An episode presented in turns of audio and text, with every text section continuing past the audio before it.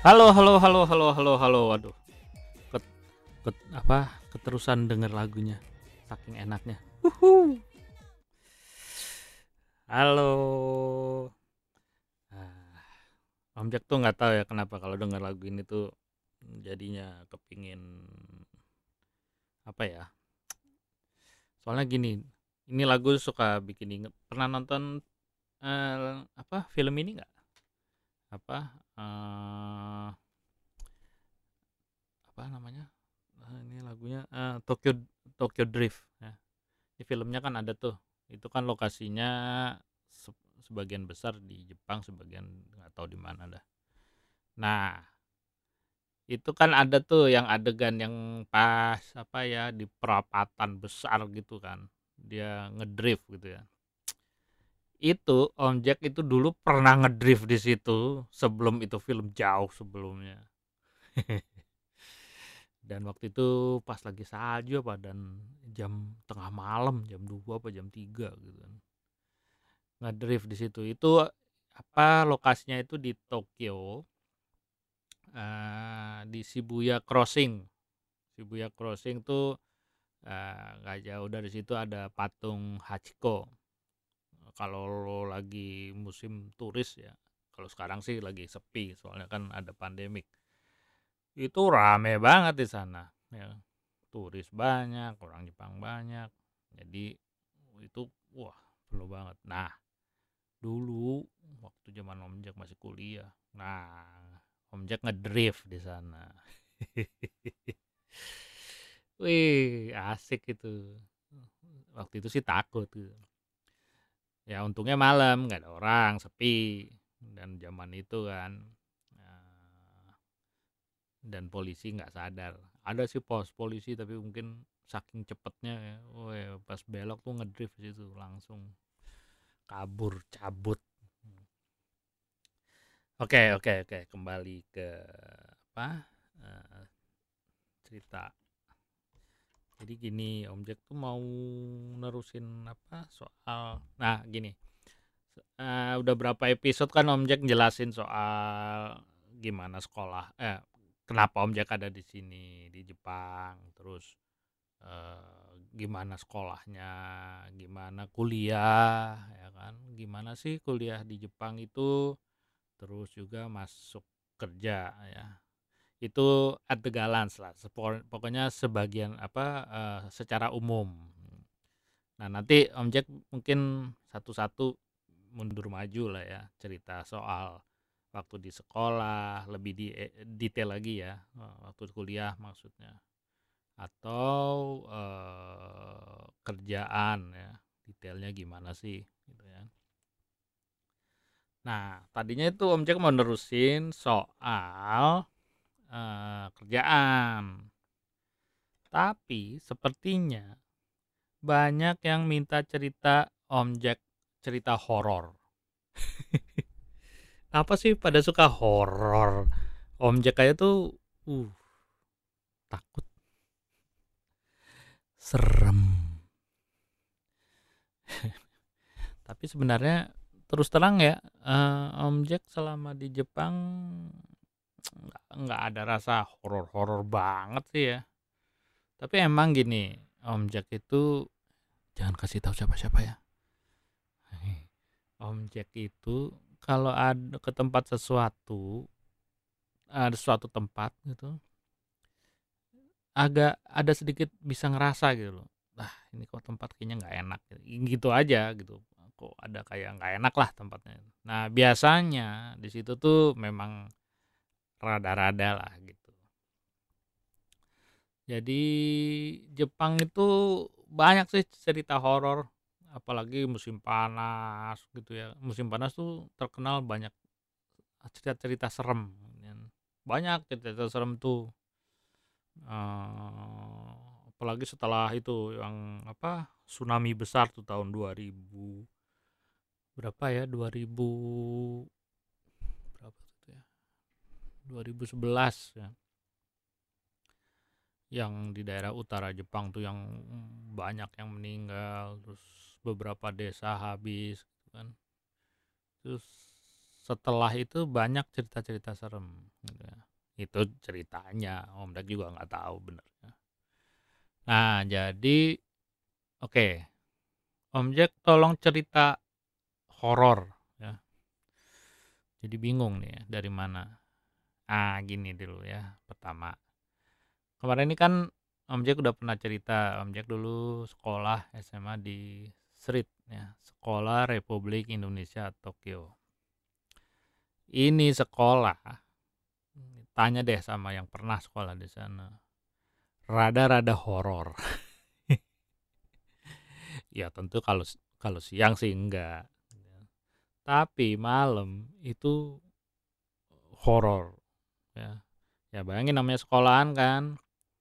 Siang rame malam paling hanya ada penjaga. Penjaganya aja tuh nggak berani dia yang keliling-keliling itu dia paling di gardungnya aja udah tidur di sana kan buru-buru masuk ke dalam sana kan.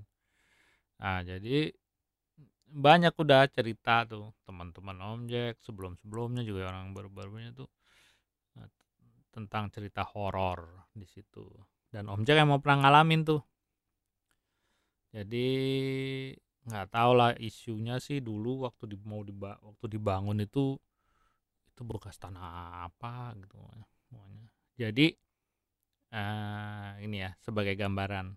Sekolah uh, serit itu tuh bentuknya seperti L ya. Panjang terus belok uh, siku sedikit. Nah, nah yang panjangnya itu tuh kelas-kelas uh, itu ya. Itu ada tingkat tiga. Nah, terus di belok uh, L yang ke pen, uh, apa L pendeknya itu tuh di bawah dulunya itu restoran. Sekarang uh, uh, terus dirubah jadi tempat pertemuan. Itu yang namanya sering dibilang kalau di orang-orang Indonesia namanya uh, tahu itu adalah Balai Indonesia.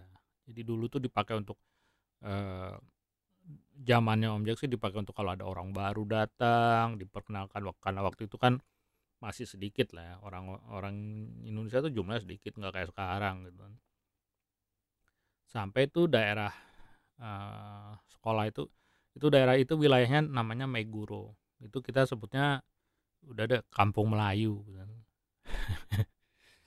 Wah kalau ke situ nggak ketemu orang Indonesia itu aneh lah pasti aja ketemu gitu kan terus eh, kalau dulu sih rata-rata kenal kita, eh siapa gitu kan. Kalau kita ketemu orang yang nggak kenal, wah ini orang baru nih pasti baru datang nih dari Indonesia, kayak gitu.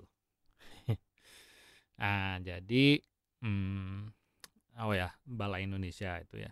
Nah di atasnya itu uh, ruang olahraga, sport hall ya. Di situ bisa main badminton, bisa main basket. Nah di ujungnya itu jadi kalau L ujungnya lah ya dari L yang apa pen apa ya yang garis pendeknya itu di ujungnya itu ada uh, panggung itu panggung untuk eh panggung untuk pertunjukan jadi kalau orang Indonesia tuh sering masyarakat Indonesia tuh bikin acara atau anak sekolah di, di tuh bikin acara uh, kalau ada pesta apa gitu ya bikin tari-tarian atau apa di situ di, nah itu persis di jadi antara panggung sama tingkat bawah itu ada penghubung uh, tangga.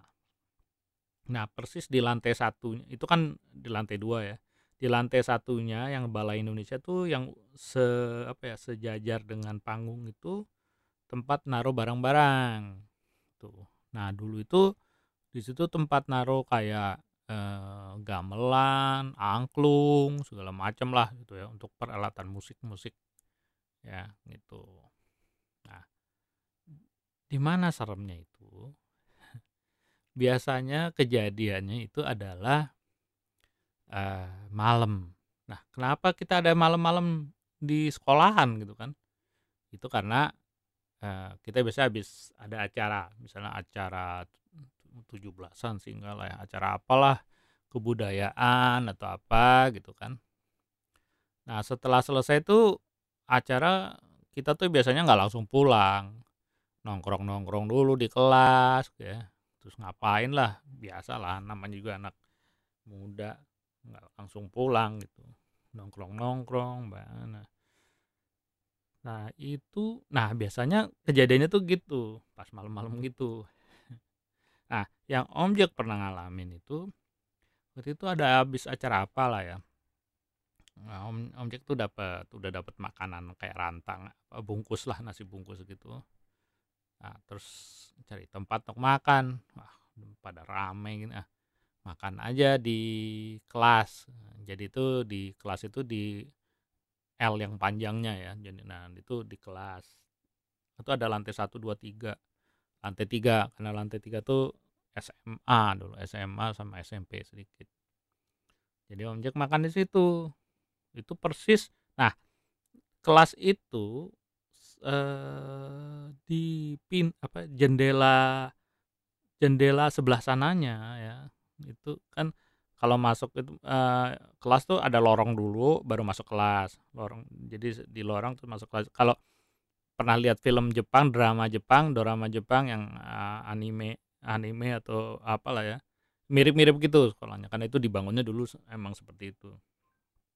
Nah di jendelanya itu sebelah sana itu udah nggak ada apa-apa. Adanya it, bukan nggak ada apa-apa. Itu adalah kayak tanah apa ya ke, bukan kebun banyak, banyak tanaman liar lah di situ gelap gitu kan. Dan kalau malam lumayan serem gitu kan. Kalau siang aja kayak ah, apa sih gitu kan. Itu nggak tahu kenapa ya dibiarin aja gitu dari dulu. Terus terus di tengah-tengah dari apa ya tebing itu ya tebing yang dekatnya itu itu ada kayak kayak gua gua kecil gitu itu yang sampai misterius waktu apaan Nah, yang Om Jack ngalamin langsung itu adalah uh, apa? Uh, lagi makan nih. Tiba-tiba itu jendela digebrek-gebrek. Cedor-cedor-cedor gitu kan. Nah, Om Jack tahu nih. Ah, nih mau ganggu aja. Habis siapa lagi coba yang gedor-gedor gitu kan? Nggak ada siapa-siapa kok di situ kan. Gedor-gedor diem terusin makan. Gerak gerak lagi gitu kan. Diem aja. Makin kenceng gitu. Mungkin makin penasaran mau nakutin Om Jack. Akhirnya Om Jack gebrak itu meja. Ruk, gitu kan. Eh pergi lo. Ngapain gangguin di sini? Sana sana pergi. Gitu kan. eh hilang. Hilang tuh nggak ada pokoknya hilang nggak gebruk-gebruk lagi itu satu-satunya yang uh, apa Oh nggak ada ntar itu salah satu yang di kelas ya.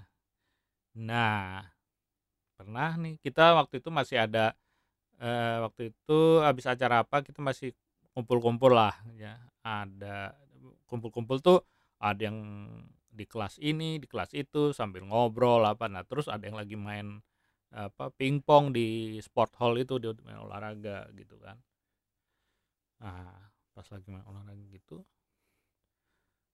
tiba-tiba salah satu di situ ada beberapa orang yang waktu masih ada tinggal di situ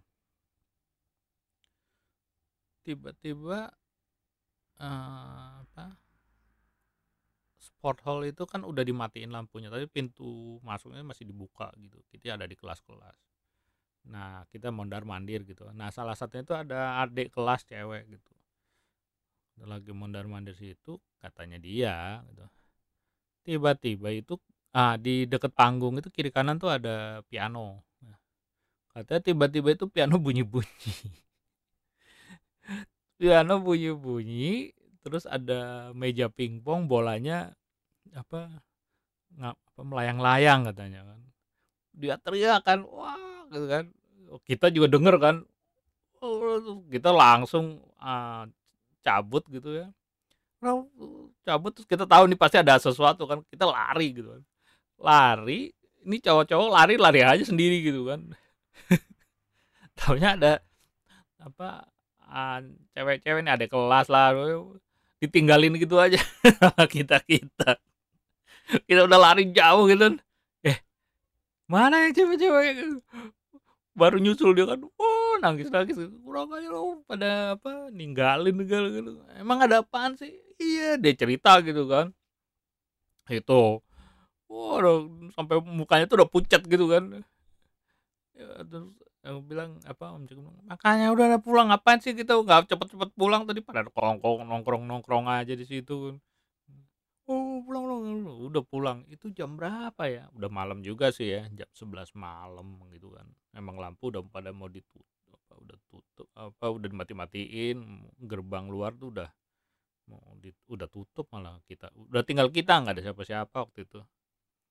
Nah, itu itu kejadian, nah yang pernah terjadi.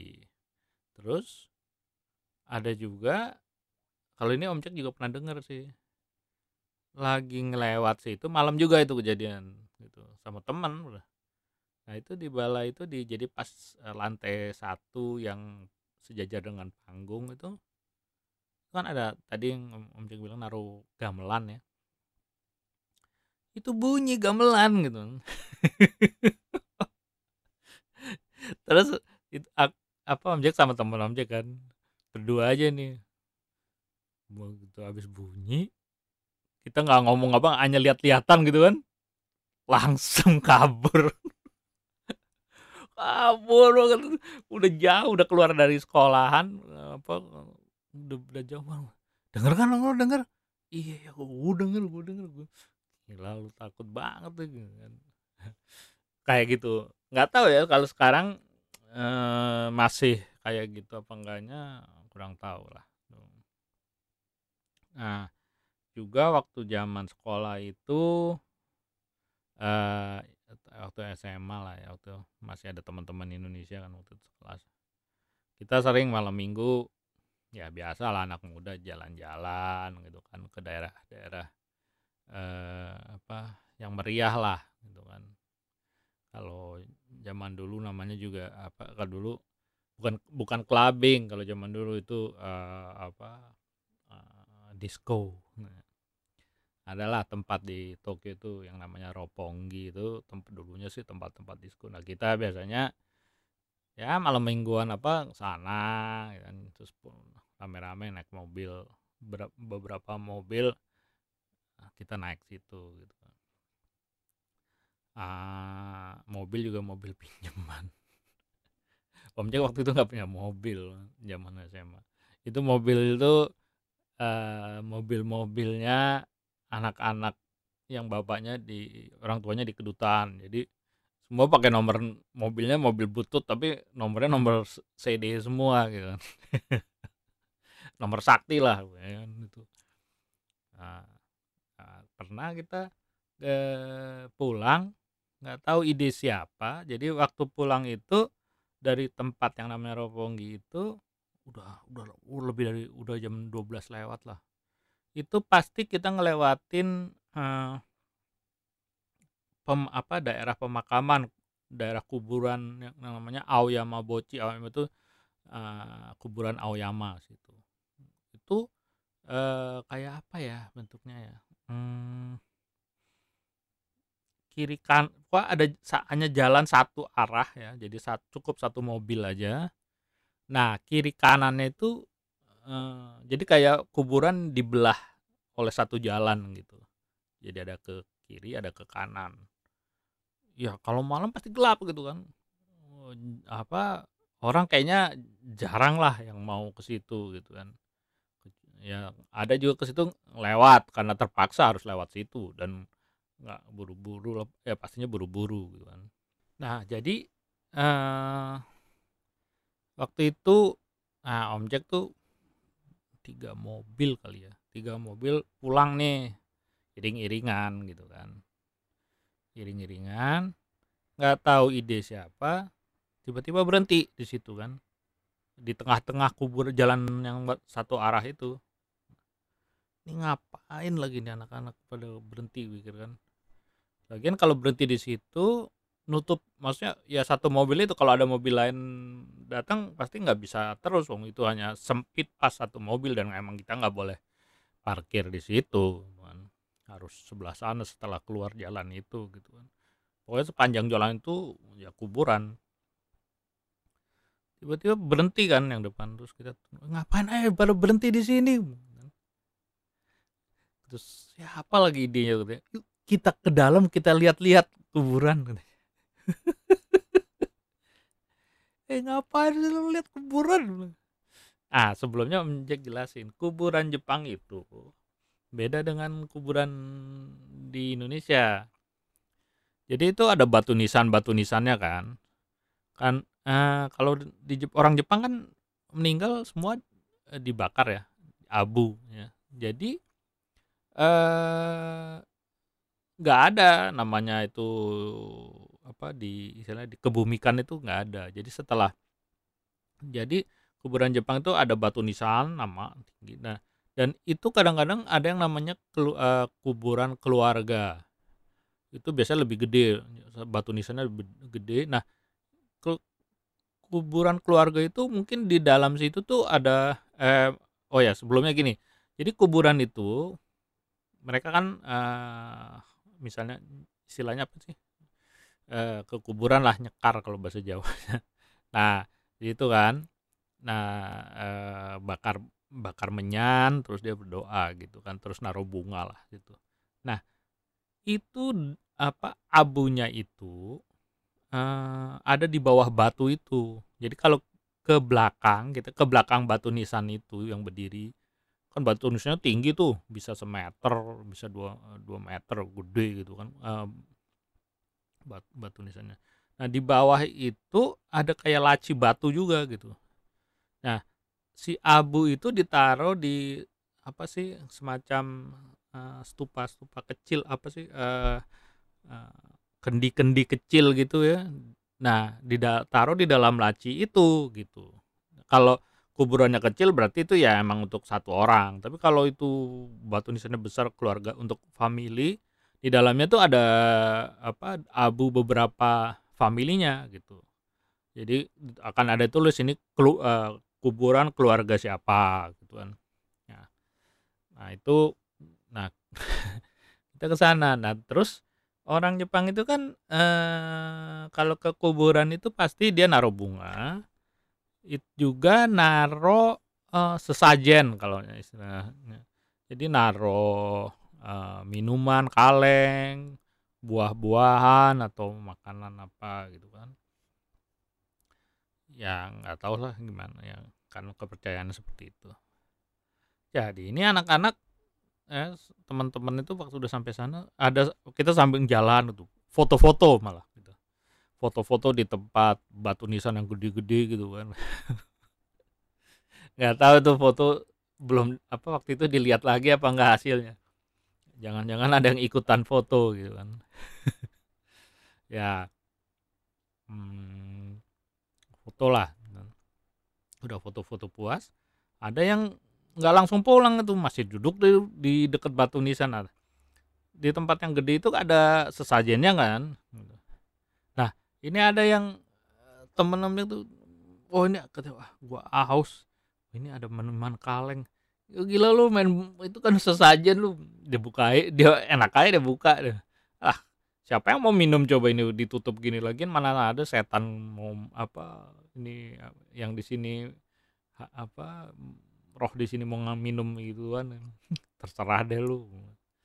Udah gitu. Kita aja udah foto foto-foto terus em, ada yang ngambil jeruk. Ya inget tuh ada yang ngambil jeruk. Jeruk yang di situ dia kupas dia makan kan lama-lama kena, udah ya pulang ya terus ini itu jalan nutupin dong nggak? Kan bilang kan "Ah, udah balik gitu kan pergi gitu kan. Itu kalau ketahuan orang Jepang atau yang penjaga ya waduh itu bakal dimarahin gitu kan.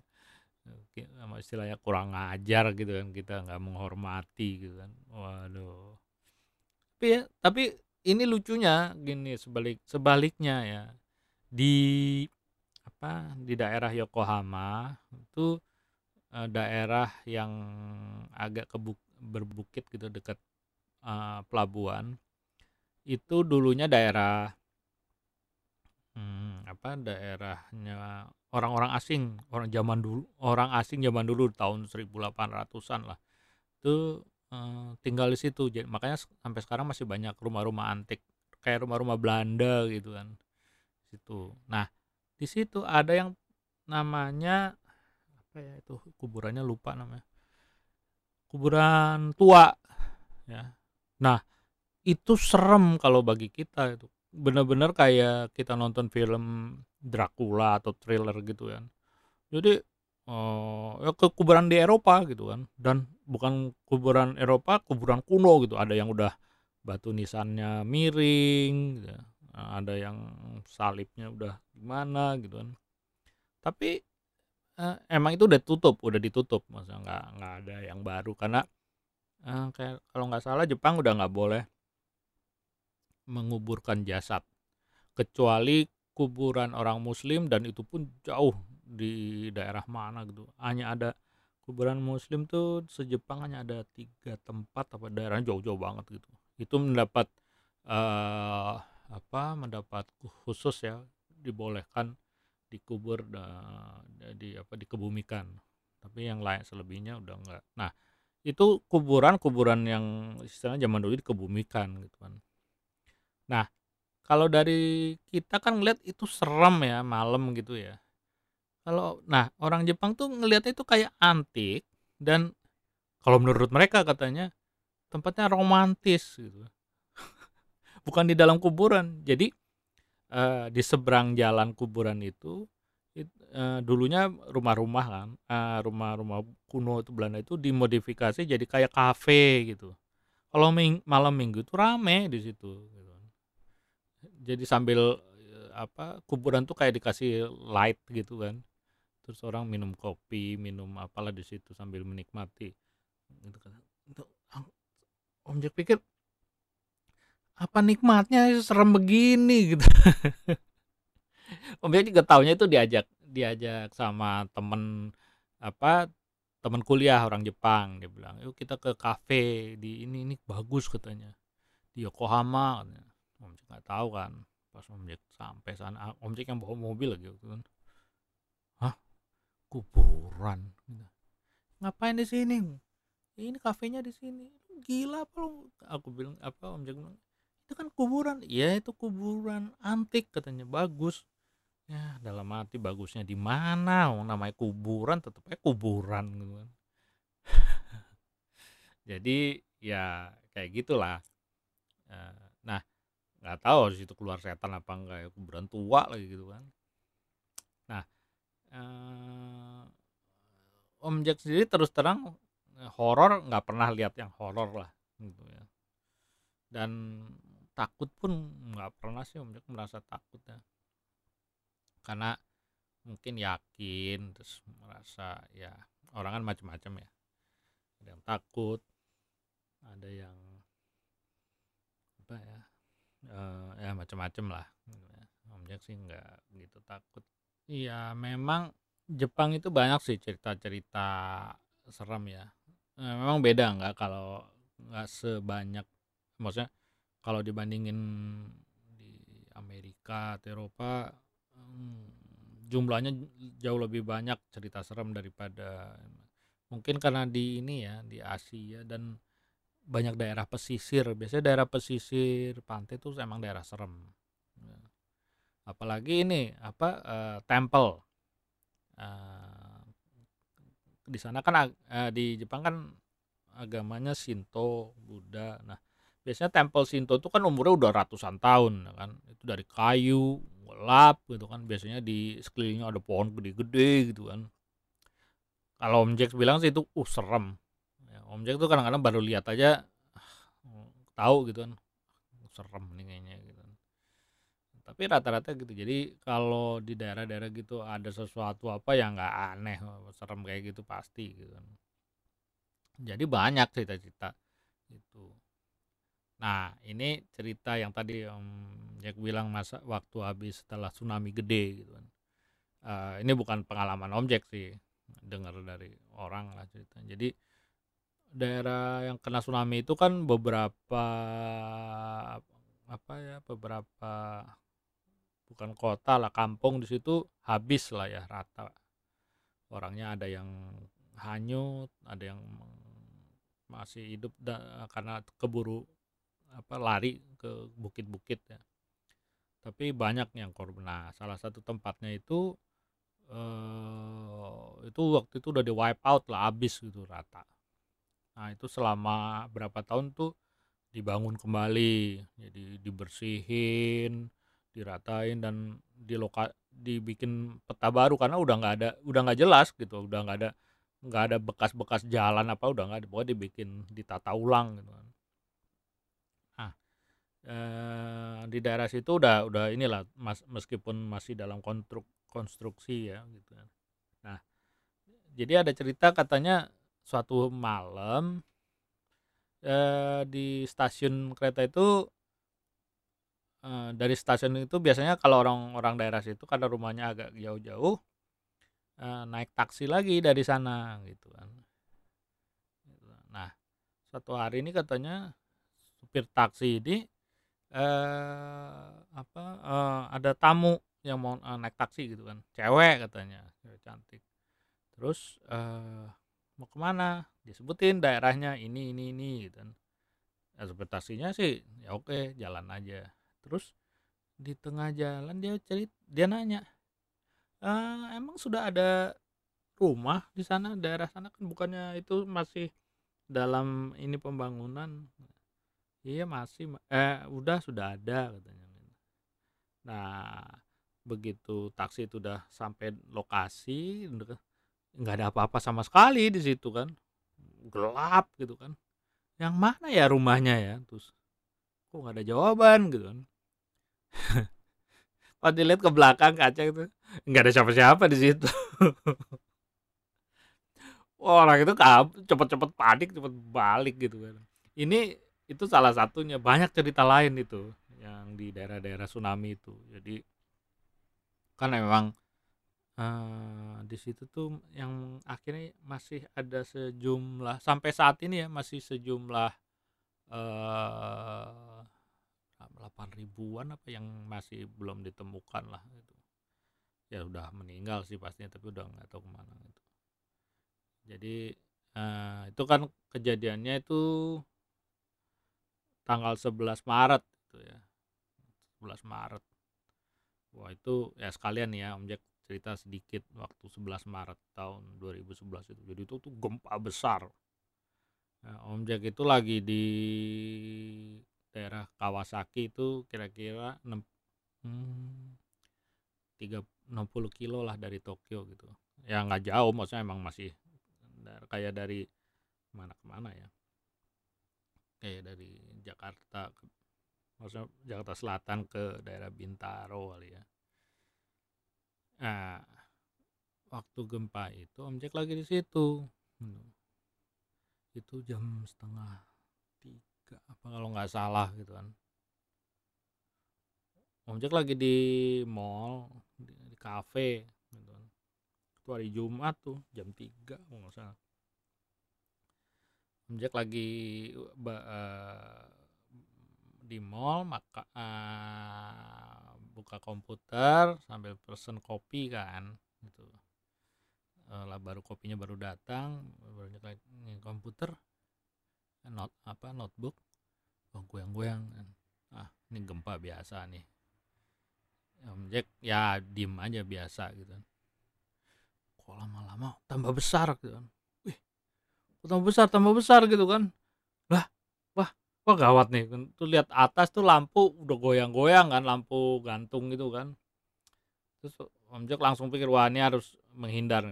Jadi Om Jack langsung tutup itu notebook masukin apa masukin tas langsung keluar gitu mau keluar belum sampai keluar baru melangkah berapa langkah lah gitu ya baru 5 meter dari tempat duduk itu lampu atas eh, gantung itu jatuh di mejanya Om Jack.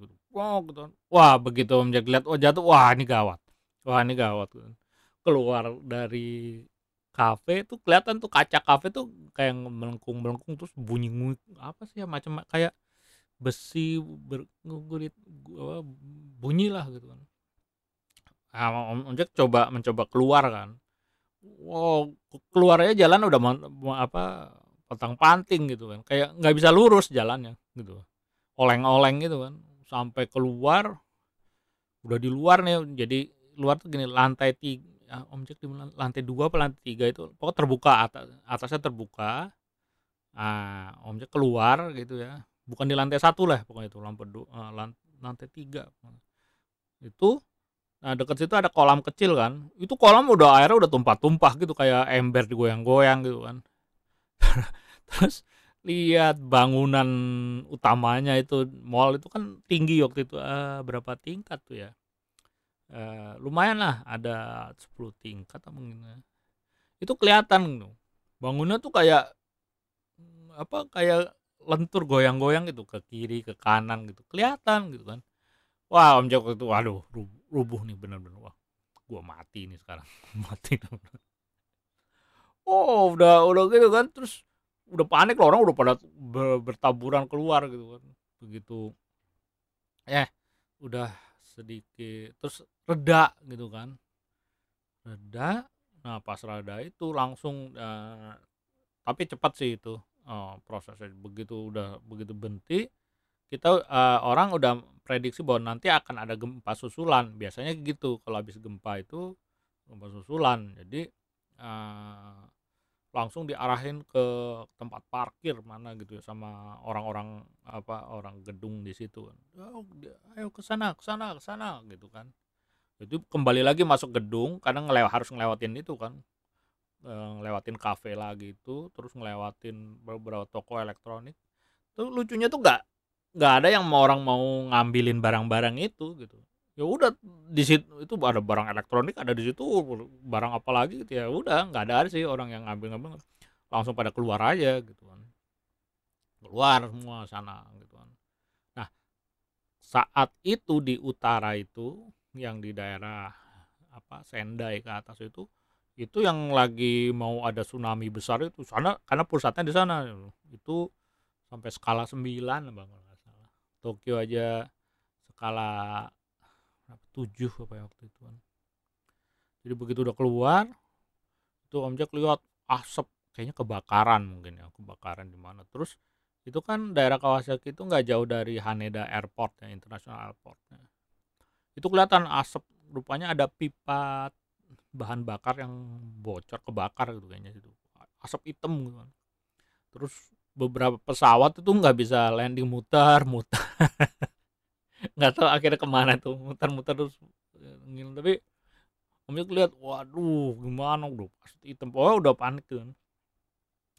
Terus Om tuh baru inget astaga Dori itu lagi kuliah waktu itu di kampusnya. Astaga. Terus aku apa Om tel, ah, coba telepon nggak bisa masuk. Telepon nggak masuk nggak ada yang masuk deh semua. Telepon nggak ada yang bisa nyambung karena apa nggak tahu karena mungkin penuh ya komunikasinya.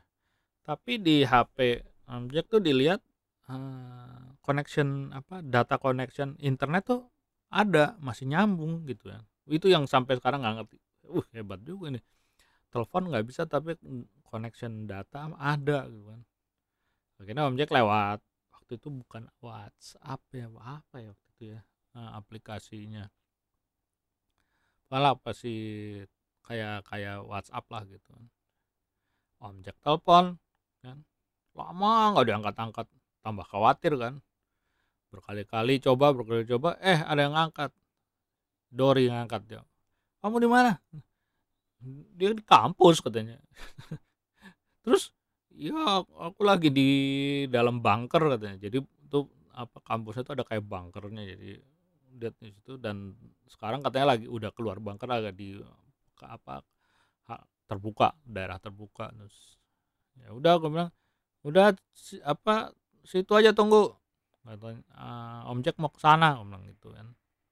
Pokoknya jangan ke mana-mana Om Jack ke sana gitu kan.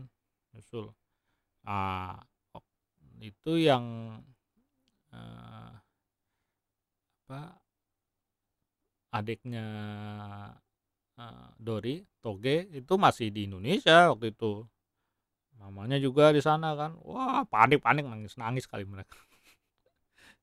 Terus wah pokoknya, eee, "Dot tunggu ya situ ya jangan ke mana-mana," itu masih dingin tuh, bulan Maret tapi masih dingin angin lagi kan.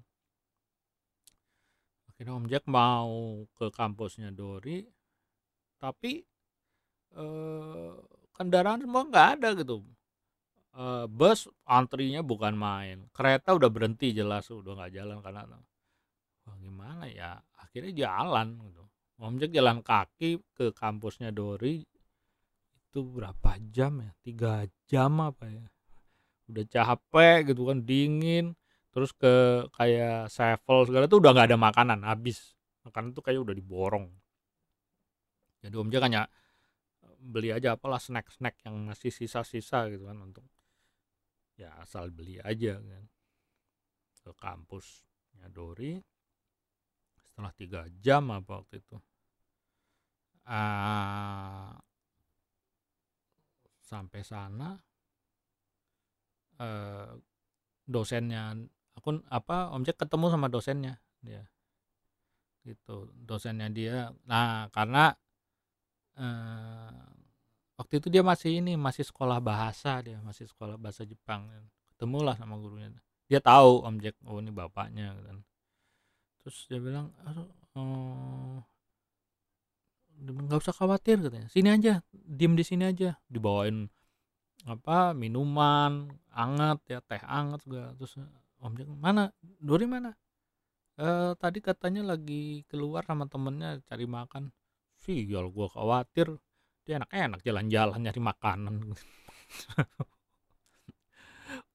Santai-santai gitu kan. Ya udah kan apa, Om Jack nunggu, nunggu sampai nggak lama dia nongol gitu, cengenges-cengenges kelihatan, "Eh, gimana?" "Oh, ya udah ya udah udah dah," aku bilang, jadi Om Jack bilang, "Malam ini kita nginep di sini aja udah." Ya waktu itu kan nggak tahu kan, eee, apartemen kita masih ada atau udah rubuh atau gimana, yang paling aman di justru di kampus kan, eee, makanan ada, ya minuman ada lah gitu kan, terus, eee, apa, eee, lebih safe lah, dan heater ada karena masih dingin tuh, kalau di kita balik ke rumah belum tentu apa, kereta juga nggak ada kan, gitu kan. Malah waktu itu apa, ada sampai orang yang kayak yang rumahnya jauh akhirnya dia tidur di stasiun, tidur di mana, tapi dapet sih supply apa, kayak selimut gitu supaya jangan ya pokoknya itu nggak sampai terlantar gitulah. Itu keadaan di daerah Tokyo waktu itu ya. Nah yang di utara ya itu, tsunami, Om Jack sempet lihat tuh di TV-TV yang kan jadi pas nginep di kampusnya Dori tuh kita li kita ke ruangan perpustakaan besar kan, banyak TV kan sana. Ada dosen, murid-murid apa, pada ngeliatin itu TV terus kan, pengumuman, nggak ada berhenti-berhentinya pengumuman tuh kan. Nah itu kelihatan tuh waktu tsunami apa, terus sampai wah gila tsunami gede banget. Bayangin Om Jack itu bertahun-tahun tinggal di Jepang, baru kali itu namanya ngerasain gempa yang besar sekali gitu. Wah serem banget waktu itu. Serem serem banget gitu. Jadi, eee, yang selama ini sih nggak ada apa-apanya gitu dibanding waktu gempa itu. Ah, kayak itu, jadi ya tadi sedikit cerita soal gempa juga jadinya gitu. Jadi, eee, kalau horor terus terang Om Jack nggak punya banyak cerita yang begitu menyeramkan, tapi, mmm, ya seperti itulah gitu. Ah, sedikit tambahan. Kalau di Jepang itu kalau kita mau nyewa apartemen, kalau mau yang murah, cari apartemen yang bekas ada kasus. Jadi misalnya kasus bunuh diri, pembunuhan, atau ada orang mati lah di situ. Itu biasanya tahun per eee, pada saat kita kontrak nyewa, itu harganya lebih dari setengah, murah banget gitu, dan itu pasti dikasih tahu. Eee, di Jepang apa, bangunan sewaan gitu kalau mau mau disewakan harus harus dibilang kalau emang itu, eee, istilahnya apa, kalau di sini bilangnya wakeari wakeari kan. Jadi itu ada kasus macam-macam, pokoknya yang bikin murah tuh ada, kenapa, ada misalnya eee, nggak harus yang serem-serem, orang tua misalnya mati di situ, meninggal di situ, nah itu udah dianggap, eee, murah gitu, karena orang Jepang merasa itu sial kalau ada kayak gitu. Jadi apalagi ada bunuh diri atau pembunuhan itu murah. Nah, kalau yang mau nggak takut sih nyewa aja rumah-rumah gitu, apartemen-apartemen gitu, pasti murah. Kalau yakin ya nggak usah, ah, nggak usah takut gitu. Nah, itulah ya. Eee, kali ini segini dulu, eee, nanti cerita insya Allah bisa cerita yang berikutnya soal kerjaan ya, bagaimana sih yang lebih detailnya ya, kalau kemarin kan baru secara umum gitu ya. Itu dulu deh ya.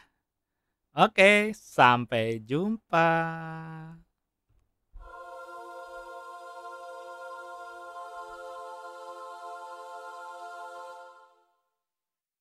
この番組はご覧のスポンサーの提供でお送りしました。